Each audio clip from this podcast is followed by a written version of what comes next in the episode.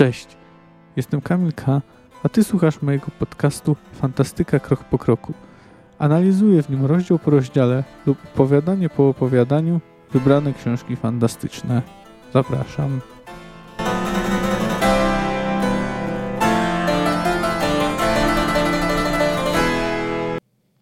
Oni nie chcą tak leżeć, powiedziała nagle Ciri. Nie chcą być symbolem, wyrzutem sumienia ani ostrzeżeniem. Ale nie chcą też, by ich prochy rozwiewał wiatr. Tris poderwała głowę, słysząc zmianę w głosie dziewczynki. Momentalnie wyczuła magiczną aurę, pulsowanie i szum krwi w skroniach. Wyprężyła się, ale nie odezwała ani słowem, bojąc się przerwać i zakłócić to, co się działo. Zwykły kurhan, głos Ciri stał się coraz bardziej nienaturalny, metaliczny, zimny i zły. Kubka ziemi, którą porośnie pokrzywa. Śmierć ma oczy błękitne i zimne, a wysokość obelisku nie ma znaczenia. Nie mają też znaczenia napisy, jakie się na nim wykuje. Któż może wiedzieć o tym lepiej od ciebie? Tris Merigold, czternastej ze wzgórza. Czarodziejka zmartwiała. Widziała, jak dłonie dziewczynki zaciskają się na grzywie konia. Ty umarłaś na wzgórzu, Tris Merigold, przemówił znowu zły, obcy głos. Po co tu przyjechałaś? Zawróć, zawróć natychmiast, a to dziecko, dziecko starszej krwi zabierz ze sobą, by oddać je tym, do których należy. Zrób to czternasta. Bo jeśli tego nie zrobisz, umrzesz jeszcze raz. Przyjdzie dzień, w którym wzgórze upomni się o ciebie. Upomni się o ciebie zbiorowa mogiła i obelisk, na którym wykuto twoje imię. Cześć, witam Was w kolejnym odcinku mojego podcastu. Dzisiaj omówię już drugi rozdział y, Krwi Elfów. Po raz kolejny nie będziemy śledzić y, sytuacji oczami Geralta, aczkolwiek y, będzie on obecny, ale zamiast tego będziemy mogli śledzić czyny i myśli czarodziejki Tris Merigold. Czarodziejki, o której dotychczas tylko słyszeliśmy z ust Yennefer, no a także z myśli Geralta, który wspominał ją y, w czymś więcej. Gdy zobaczył jej imię na obelisku y, na wzgórzu czarodziejów. Wspomina wtedy, że jest wesoła, wygląda jak podlotek i chichocze z byle powodu. Jak się dowiemy, przez chwilę łączyło ją i Wiedźmina nomen omen coś więcej – Rozdział rozpoczyna się od tego, że Tris zbliża się do Kaer Moren. Warownia jest naprawdę dobrze ukryta, leży y, poza uczęszczanym szlakiem w y, trudno dostępnym terenie. Aby do niej dotrzeć, trzeba przechodzić przez las, urwiska, rzekę. Gdy ktoś nie zna drogi, byłoby mu ekstremalnie ciężko y, trafić do zamku. Czarodziejka drogę zna, ale i tak musi bardzo uważać, by się nie zgubić. Końcu Tris dociera do ścieżki otaczającej Kaer Moren. Ta ścieżka jest używana przez Wiedźminów do ćwiczeń, jest pełna różnych przeszkód. Oficjalna jej nazwa to szlak, ale młodzi Wiedźmini nazywają ją mordownią. Czarodziejka słyszy kroki. Na ścieżce pojawia się Wiedźmin. Porusza się z bardzo dużą gracją, jest niezwykle sprawny. Tris ocenia jego wiek, jego, bo, on cały czas, bo ona cały czas myśli, że to chłopak, na jakieś 12 lat. W pewnym momencie czarodziejka słyszy odgłos upadku. Chce dotrzeć na miejsce, ale sama się przewraca. No i wtedy właśnie dowiaduje się, że pomyliła się, że to nie Wiedźmin, ale dziewczynka. Ubrana swoją drogą w niezbyt dopasowany strój. Yy, ma nierówno obcięte popielate włosy. To Ciri. Tris przedstawia się. Prosi dziewczynkę, by pomogła jej wstać i jednocześnie testuje, czy została poddana mutacjom takim jak Wiedźminy. Odczułaby wtedy takie przyjemne mrowienie. Jednak wynik tego badania okazuje się negatywny. Dziewczynka nie przechodziła mutacji. Tris leczy zranienie dziewczy- Ciri, po czym obydwie wsiadają na konia czarodziejki i zmierzają w kierunku Kaer Moren. Gdy docierają bardzo blisko zamku, mijają fosę wypełnioną czaszkami. Jest to pamiątka, a raczej można powiedzieć memento, ostrzeżenie po ataku na warownię. Wtem Ciri wpada w magiczny trans. Zwraca się do Tris, nazywając ją czternastą ze wzgórza i mówiąc, by oddała dziecko starszej krwi tym, do których należy. Gdy trans się kończy, Ciri nic nie pamięta. Docierają na podwórzec, gdzie szybko przychodzą Eskel, Lambert i Geralt. Ciri z Lambertem idą kontynuować ćwiczenia, a Geralt chce odprowadzić konia czarodziejki do stajni, Tris idzie razem z nim. Wiedźmin wyraża radość z tego, że opowieści o jej śmierci okazały się być nieprawdziwe. Kierowana impulsem, emocjami czarodziejka, rzuca się Geraltowi w ramiona i zaczyna go całować. On jednak odsuwa ją od siebie, słyszy czyjeś kroki. Nadchodzi Wesemir. Stary Wiedźmin wylewnie wita się z czarodziejką i uskarża się na łamanie w kościach. Towarzyszy mu jeszcze jeden Wiedźmin. Ma na imię Cohen i pochodzi z Powis. Potem znów przychodząc przez dziedziniec obserwują Ciri, która ćwiczy pod okiem Lamberta. Balansuje ona na belce, mając e, trafić mieczem skórzany worek. Lambert krzyczy na nią, na co Tris zwraca uwagę, przy okazji pytając Wiedźminów, czy na pewno to jest najlepszy sposób na spędzanie przez Ciri czasu. Geralt tłumaczy jej, że uczą jej miecza, bo nie mają nic innego. Wesemir y, oferuje zmęczonej czarodziejce najlepsze łóżko w całym Kaer Moren, choć nawet ono jest jedynie rozlatującym się zabytkiem. Tris nie może zasnąć, ale nie ze względu na to, y, czym jest to łóżko. Rozmyśla nad celem wezwania jej do warowni. Oczywiście nie wierzy w to, że chodziło o łamanie w kościach Wesemira. Myśli też o Geralcie. Bo jak się okazuje, kiedyś połączył ją i jego romans. Po jednym z licznych y, rozstań Geralta z Yennefer, Tris uwiodła Wiedźmina, pomagając sobie nieco magią. A teraz pragnie go znowu. No ale Tris w końcu zmusza się, by przestać rozmyślać o Wiedźminie, zamiast tego koncentruje swoje myśli na Ciri. Orientuje się, że to właśnie z jej względu, z jej powodu została zaproszona do KR Moren. Początkowo myśli, że potrzebują jej do tego, by przeprowadzić mutację Ciri, by zamienić ją w prawdziwą Wiedźminkę, by przeszła próbę traw, a także zmiany, jakie towarzyszą stawaniu się Wiedźminem. Ale potem dochodzi do wniosku, że nie, że to raczej nie o to chodzi. Że Ciri musiała zapaść w podobny trans, jaki przydarzył jej się, gdy y, razem zbliżały się do KR Moren. Domyśla się też, że dziewczynka jest sztucznie wzmacniana sławnymi grzybkami i ziołami, które są dostępne jedynie w warowni. Potem jej myśli wracają do Geralta. Pojawia się w niej nadzieja, że może jednak Geralt chce wrócić do ich romansu. Bo przecież miał do wyboru, jeśli chodzi o zaufane czarodziejki, ją i Yennefer, a wybrał ją, Tris.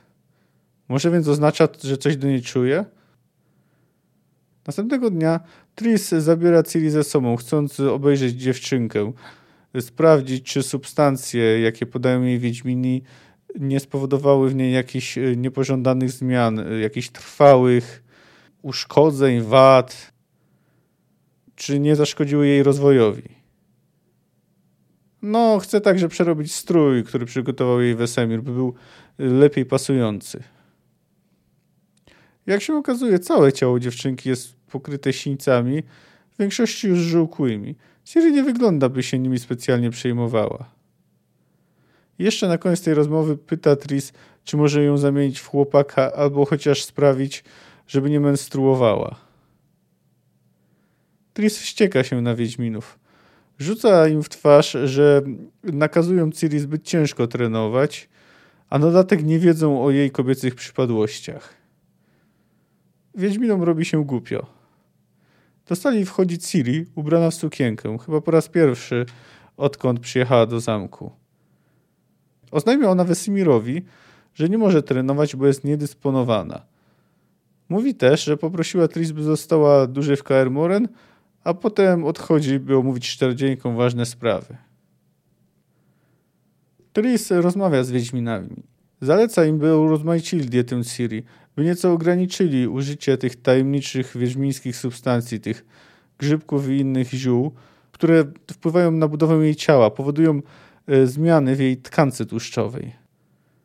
Chce też, by wysłali ją w świat, aby mogła później wieść, gdy dorośnie normalnie, względnie normalne życie. Ale Geralt mówi jej, że już wcześniej zdecydował, że zawiezie ją do świątyni Wellander, do Neneke. Na koniec czarodziejka przychodzi do tego, że Ciri jest źródłem, to znaczy osobą, której jest skumulowana moc magiczna, chociaż ona sama nie potrafi y, nią kierować. I pyta, czy właśnie z tej powodu, ze względu na y, Ciri została wezwana do Kaer Moren. Wesemir potwierdza. Następnego dnia Tris bardzo chce zaciągnąć Geralta do łóżka, ale on najpierw zniknął na cały dzień, a potem jej plany pokrzyżowała Ciri, y, która się wprosiła y, do tego rzeczonego łóżka. To jest dość ciekawy rozdział. Dowiadujemy się trochę o Wiedźminach, a także o czarodziejach, no a może nawet raczej o czarodziejkach. Sporo dowiadujemy się o samej Tris. Generalnie e, pierwszy kontakt z nią jest raczej pozytywny. Jest to tak jakby kontrastuje to z tym, jak to było z Yennefer. Bo Yennefer e, zdecydowanie nie była w ostatnim życzeniu postacią pozytywną, ale z czasem zaczyna zyskiwać. Stris będzie odwrotnie. No chociaż trzeba dodać, że no teraz nie jest postacią kryształową. W końcu wiemy, że pomogła sobie magią, aby uwieść Geralta. Już pomijając samo to, czy wchodzenie w związek y, z byłym y, mężczyzną przyjaciółki y, jest w porządku, no ale to powiedzmy zostawmy, bo też Geralt nie był jej bezwolnym narzędziem. No właśnie, nie wiemy czy nie był, bo tu wchodzi w grę właśnie ta kwestia, że sobie pomogła w niewielkim stopniu magią. No i co to oznacza, że to było w niewielkim stopniu? W jaki sposób jej użyła? Czy wpłynęła na Geralta? Czy może zmieniła własną urodę? Co dokładnie zrobiła? No, nie wiemy, dlatego nie można do końca ocenić y, tego, co zrobiła. Aczkolwiek wydaje się, że większość czarodziejów i czarodziejek y, nie ma oporów przed tym, by y, wspomagać sobie magią w uwodzeniu tak zwanych zwykłych ludzi. Generalnie Tris trochę kłamie, ukłamuje samą siebie w kwestii Geralta.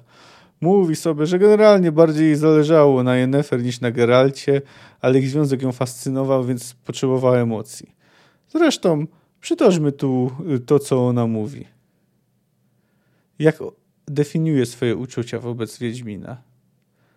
I wtedy pojawił się Geralt z Rivi, wiodący niespokojne życie Wiedźmin, połączony dziwnym, niespokojnym i burzliwym związkiem z Yennefer, jej serdeczną przyjaciółką. Tris obserwowała oboje i była zazdrosna, choć wydawało się, że nie ma czego zazdrościć. Związek w oczywisty sposób unieszczęśliwiał obydwoje, wiódł prosto ku wyniszczeniu. Bolał i wbrew wszelkiej logice trwał. Tris nie rozumiała tego i fascynowało ją to. Fascynowało do tego stopnia, że uwiodła Wiedźmina w niewielkim stopniu pomagając sobie magią.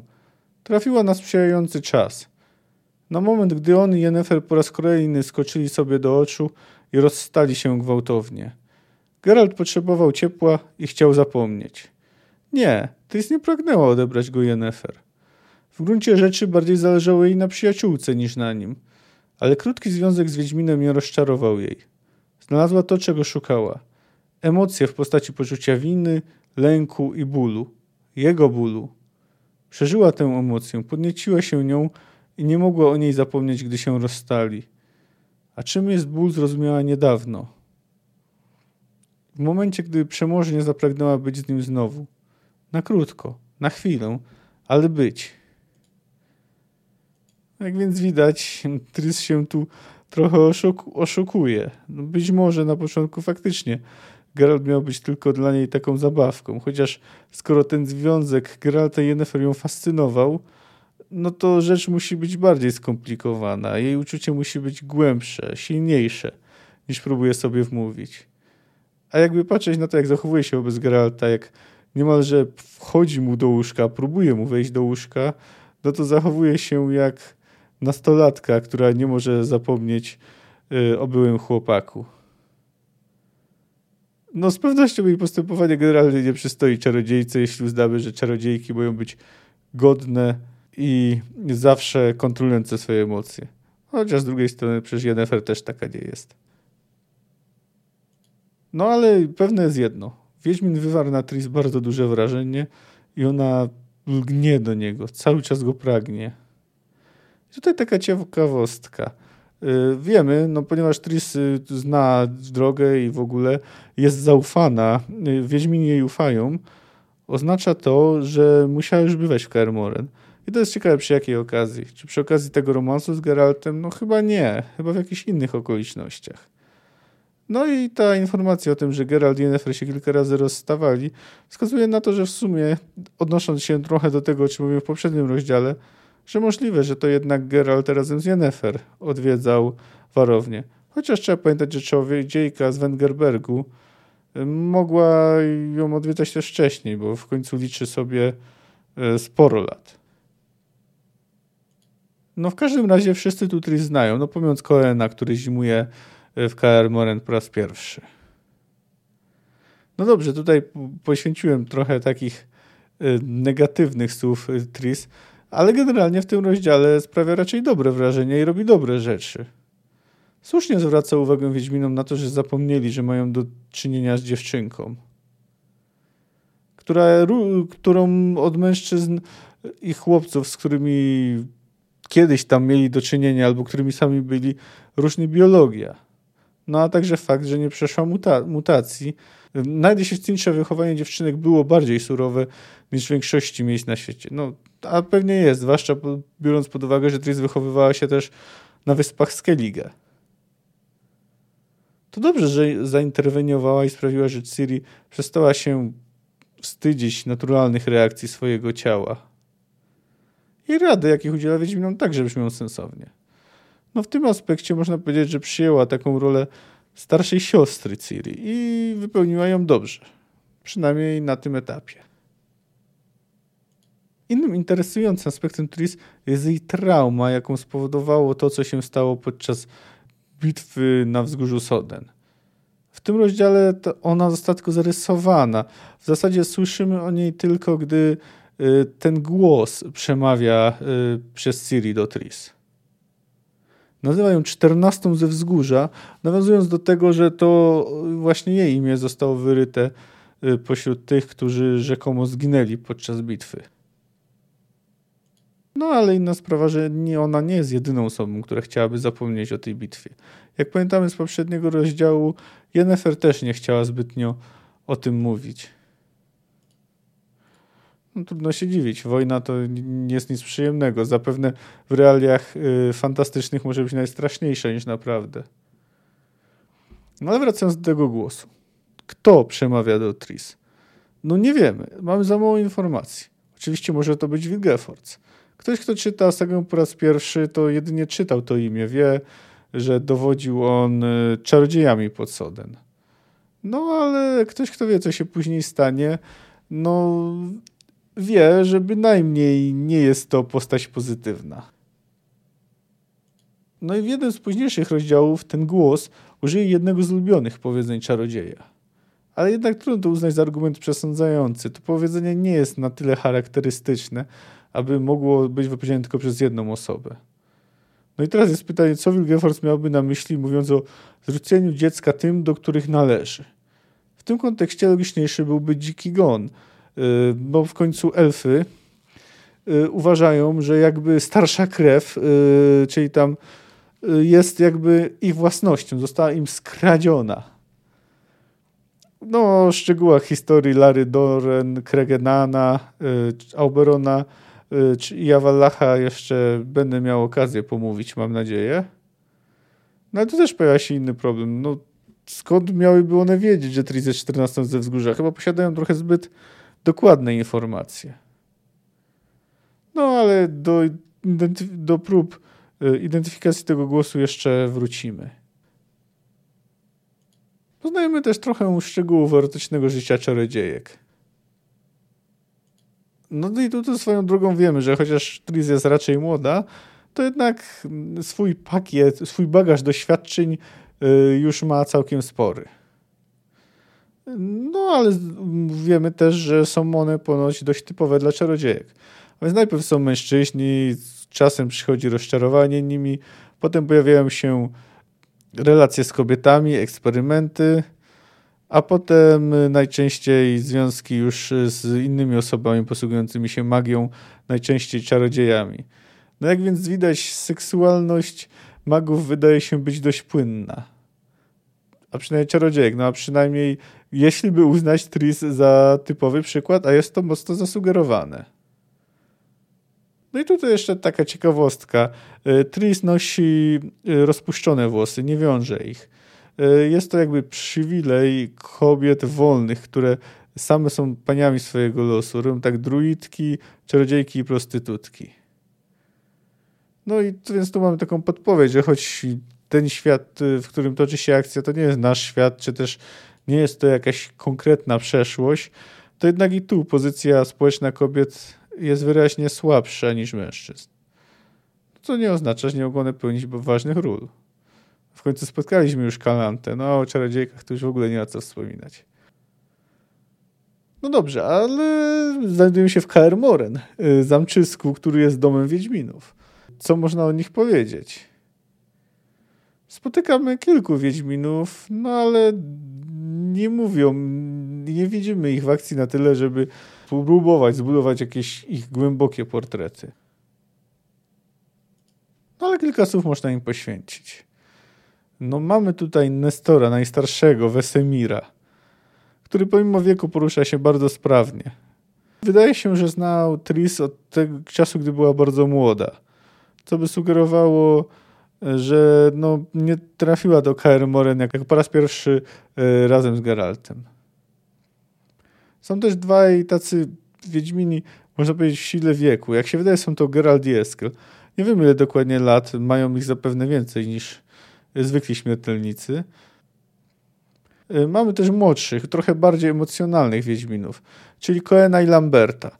Ten ostatni to w ogóle jest bardzo niegrzeczny i do Tris zwraca się nieładnie, a i trenując Ciri, y, wydaje się, że nie wybrał najlepszej metody szkolenia. Co tu jeszcze można ich powiedzieć? Wesemir y, jest wylewny i nie bardzo potrafi kłamać. Geralt jest wyraźnie zestresowany. No, momentami tutaj trochę reprezentuje Wiedźminów, ale to głównie ze względu na to, że w końcu jakby nie patrzeć, to on y, przywiózł Ciri do Kaer Moren. A co do Eskela, no to w końcu to on potrafił się zachować, gdy Ciri oznajmiła, że jest niedysponowana. Po prostu naturalnie powiedział jej z uśmiechem, że w takim razie poczekają z dalszymi ćwiczeniami, aż okres niedyspozycji minie. No i jeszcze jedna taka ciekawostka. W pewnym momencie w opowiadaniu Eskel całuje y, Tris w dłoń. Tris wtedy poczuła, że on jakby silnie emanuje mocą. Y, silniej niż Geralt. To jest dość ciekawe. Czyżby Eskel miał większe zdolności niż y, Biały Wilk? No to jest zapewne nieco daleko idąca interpretacja, ale jest to jak najbardziej możliwe. No a co do Geralta, to on oczywiście pojawia się w tym rozdziale dość często, ale w dużej mierze pełni funkcję obiektu pożądania Tris. No poza tym pełni też rolę opiekuna Ciri, który pomimo pewnych wpadek chyba poradził sobie nieźle. W każdym razie dziewczynka mu ufa i dalej wierzy, że jest on jej przeznaczeniem. Czuje się przy nim bezpiecznie dowiadujemy się też całkiem dużo o, ogólnie o Wiedźminach i ich historii. Tris wspomina, że chłopcy, żadni nowi chłopcy młodzi nie byli trenowani w KR Moren od ćwierć wieku. Nie wynikało to, a przynajmniej nie tylko, z braku chęci i materiału ludzkiego, ale z braku możliwości. Dlaczego ich nie mają? Dlatego, że niemal wszyscy starzy Wiedźmini Y, którzy byli obecni przy tworzeniu wcześniejszych Wiedźminów, późniejszych Wiedźminów, już nie żyją. Wesemir jest bardzo stary. Tris oczywiście przesadza, zapewne mówiąc, że jest starszy niż sam Kaer Moren, ale on zaszył jedynie nauczycielem Shermier. Można więc powiedzieć, że brakuje w Kaer Moren know-how w postaci czarodzieja, wiedzy o magii. Bo to, że magia brała udział w procesie Wiedźminów i to, że czarodzieje go najpierw opracowali, a potem udoskonalali, y, nie ulega wątpliwości. Wiedźmini dysponują ziołami, trawami z dużej litery. Y, w podziemiach zamku wciąż znajduje się laboratorium. No ale potrzebują tego magii, aby to wszystko mogło zadziałać, aby mógł Wiedźmini, aby mogła zostać przeprowadzona próba traw i tak zwane zmiany, aby mogli być tworzeni nowi Wiedźmini. No tu już trochę zasygnalizowałem, streszczając to opowiadanie, ale wiemy, że oprócz tych wyniszczających zmian, które jak wiemy od Geralta przeżywa jedynie 4 na 10 chłopców, tak przynajmniej mówił Kalante, e, no to są też poddawani po prostu ostremu treningowi fizycznemu. Już samo to, że młodzi Wiedźmini nazywają ten szlak, na którym trenują mordownią, wiele mówi. No a dodatkowo urazy, jakich ma Ciri, nawet jeśli uznamy, że jest Y, słabsza i ma mniej, gorszy refleks niż przeciętny adept wiedźmiństwa, także wskazują, że to jest bardzo ciężki trening. No ale tu dochodzimy też do innego wydarzenia, które zapewne wpłynęło na to, że już nie powstają nowi Wiedźmini. Chodzi tu o atak na Kaer Moren. Dowiadujemy się, że grupa fanatyków, zapewne mająca do pomocy magów, podburzona m.in. przez tekst zatytułowany Monstrum albo Wiedźmina opisanie y, autorstwa anonimowego autora, zaatakowała KR Moren. W wyniku tego ataku wszyscy obecni w warowni zginęli. Przeżyli tylko ci, którzy akurat byli poza nią. No i aby to pamiętać, Wiedźmini trzymają czaszki y, w fosie. No jak wspominamy, te czaszki były niejako zapalnikiem, który sprawił, że Ciri zapadła w trans. W sumie ciekawe jest, czy skoro oni tak łatwo dotarli do KR Moren, czy po prostu ci magowie im wskazali drogę, czy też może wtedy lokalizacja zamku nie była aż tak y, nieznana, nie był aż tak dobrze ukryty. No nie wiemy. Ale wróćmy jeszcze raz y, do tego y, tekstu, czyli monstrum albo Wiedźmina opisanie. Tris wspomina, że krążą plotki, że je także napisał jakiś czarodziej. A na początku rozdziału mamy fragment tego wątpliwej jakości dzieła. Zaprawdę nie masz nic wstrętniejszego nad monstra owe, naturze przeciwne wiedźminami zwane, bo to są płody plugawego czarostwa i diabelstwa. Są to łotry bez cnoty sumienia i skrupułu, istne stwory piekielne do zabijania jednozdatne.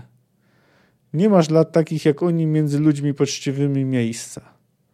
A owo Kaer Moren, gdzie ci bezecni się gnieżdżą, gdzie ohydnych swych praktyk dokonują, starty być musi z powierzchni ziemi, a ślad po nim solą i saletrą posypany. Y, jak więc widzimy, mm, twórca tego, tego utworu nie silił się na subtelności. No, jeśli chciał podburzyć motłoch, to nie mógł się dalej silić. Ty wspomina, że ten atak miał miejsce pół wieku przed jej narodzeniem. No to pozwala ocenić, jeśli przyjmiemy, że ma przynajmniej 40-50 lat, to chyba bezpieczne założenie, że wydarzył się 90-100 lat przed opisywanymi wydarzeniami. No mógł wydarzyć się jeszcze wcześniej. Czyli chyba można przyjąć, pomimo tego, że w ataku zginęło wielu Wiedźminów, którzy byli w warowni, że jeszcze przez jakiś czas powstawali nowi Wiedźmini. Tak na marginesie, Tris, y, wspominając o tym, y, nie chce mówić Ciri o tym, do czego doszło, jakie hasła wykrzykiwali fanatycy, także że brali udział w tej masakrze magowie, ale sama nie poczuła się do winy. Nie wierzy w dziedziczenie win. No ja się z nią oczywiście zgadzam. Ja też uważam, że każdego należy odczyniać indywidualnie, no ale tu po raz kolejny można wątpić, czy jest to zdanie, z którym każdy lewicowiec by się zgodził. A swoistą klamrą do tych wszystkich wydarzeń jest kolejny cytat, który pojawia się poniżej tego y, z, z Monstrum albo Wiedźmina opisania. To jest cytat y, z innego fikcyjnego dzieła. Ono jest zatytułowane Medytacje o zdrowiu, szczęściu i pomyślności i napisał je Nikodemus de But. Nietolerancja i zabobon zawsze były własnością głupich między pospólstwem i nigdy, jak mniemam, z gruntu wykorzenione nie będą, bo równie wieczne są jak sama głupota. Tam, gdzie dziś piętrzą się góry, będą kiedyś morza. Tam, gdzie dziś wełnią się morza, będą kiedyś pustynie. A głupota pozostanie głupotą. To, to, to też można by jakby tak politycznie nawiązać, czy to jest takie lewicowe znowu. No ale może to zostawmy, bo jest jeszcze taka ostatnia ciekawa rzecz, a może może nie ostatnia, ale tak już faktycznie powoli się zbliżam do końca. W każdym razie interesujące jest to, y, co Geralt mówi o Ciri. Dowiadujemy się trochę o tym, co przeszła już po ucieczce z Cintry. Ta dziewczynka, odezwał się cicho i spokojnie Geralt, ta delikatna i drobna księżniczka przeżyła rzeź Cintry. Zdana tylko na siebie, przekradła się przez kohorty Nilfgardu. Zdołała umknąć przed grasującymi po wsiach moruderami, którzy grabili i mordowali wszystko, co żyło. Przetrwała dwa tygodnie w lasach, w lasach Zarzecza, całkiem sama. Wędrowała przez miesiąc z grupą uciekinierów, harując ciężko na równi ze wszystkimi i na równi ze wszystkimi głodując. Prawie pół roku pracowała na roli i przy inwentarzu, przygarnięta przez chłopską rodzinę. Wierz mi, Tris, życie doświadczyło ją, zaprawiło i zahartowało nie gorzej niż podobnych nam hultajów, ściąganych do KR Moren z gościńców. Ciri nie jest słabsza od podobnych nam, niechcianych bękartów podrzucanych Wiedźminom w karczmach jak kocięta w wyklinowych koszykach. No jak widzimy, Ciri faktycznie przeżyła sporo. Chociaż to ciekawe, największy strach wywołuje u niej to, co się stało y, podczas ucieczki z Cintry. W sumie przeraża ją nawet nie to, co się stało, bo tego nie pamięta, ale sam obraz, y, sam widok tego rycerza y, w czarnej zbroi i skrzydlatym hełmie. No a tak wracając do tego, co przeżyła, no miała oczywiście sporo szczęścia, ale zapewne musiała też się wykazać wyjątkowymi zdolnościami, będąc tak małą przeżyć. No oczywiście wiemy, że wyjątkowe okoliczności często dodają ludziom, nawet dzieciom sił, sprawiają, że są w stanie robić rzeczy, których by nawet sami, sami się po sobie nie spodziewali. No, prawdopodobnie tak było w przypadku Cyrilli. No i tu taka uwaga już może pod sam prawie koniec. E, jeszcze przed, jeszcze oczywiście zostają mi do omówienia pokrótce adaptacje, ale Cohen znajduje się po raz pierwszy, po raz pierwszy zimuje w KR Moren.